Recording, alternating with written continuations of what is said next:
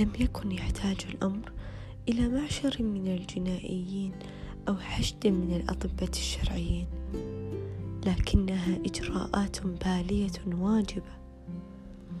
إن مثل هذه المقامات تهوى التعقيد بكل شيء للحد الذي يجعلهم يعقدون حتى مراسم دفنك. تهرأ جثتك أحيانا على أسرة التشريح قبل أن تمر على أسرة التكفين وما إلى ذلك. إنها تهرأ قبل أن يواريها التراب. ولا أدري لما تتعنى هيئات التشريح بطلبها تشريح الجثة التي حتتها الأيام أصلا. لما يحاولون عبثا إيجاد حل لغز لا يقدرونه. إن كانوا يصرحون في كل جثة يبدو أنه مات قدرا. أحقا؟ إن أغلبية الجثث كجثة هذا الشاب ماتت قهرا وألما لا قدرا على أي حال هذا الشاب الذي خمد على فراشه باكيا كان يخشى الله فلم يبتر الوريد ولم يشنق العنق. ولكنه راغب بالرحيل للحد الذي يجعله يبتهل إلى الله بأن يكلف ملكا بقبض روحه بأن يهبه كرامة الرحيل وكفى واستجيب لابتهالاته فرحل. كرها بها الحياة وحقدا على كل شيء.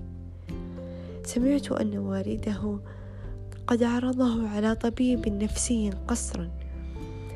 كان القصر للمرة الأولى والثانية لكنه وافق بعدها شرط أن يصحب شقيقته ذات الربيعان معه.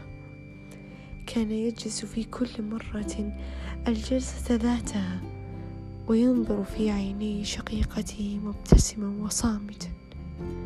وفي المرة اليتيمة التي نطق بها كان ليسأل الطبيب إن كان من الممكن أن يذهب لمقابر القرية يدا بيد مع شقيقته. إن كان لا يؤذيها بفعله طبعا ولم يجبه الطبيب ذهولا من سؤاله. إنه كقاتل أجرم فلم يشهد عليه غير مجنون فوقع القتل وبطلت الشهادة. إنه يشاهد ذات الربيعان على مصيره على مأساته وخيبته ودنو أجله. رحل دون أن يصرخ. رحل دون أن يصرخ بوجه أبيه لست مريضا نفسيا. رحل دون أن يترك وصية هكذا بكل هدوء وسكينة. رحيلا صامتا يليق به. لا أدري ما الذي عاشه للعشرين ألما. حتى يطلب الحق بالرحيل. لكني أظن أنه مبرح للحد الذي يجعله يخلي طرفه من الدنيا ويرتقي إلى الرفيق الأعلى بسلام. عابر جنازة سارة محمود.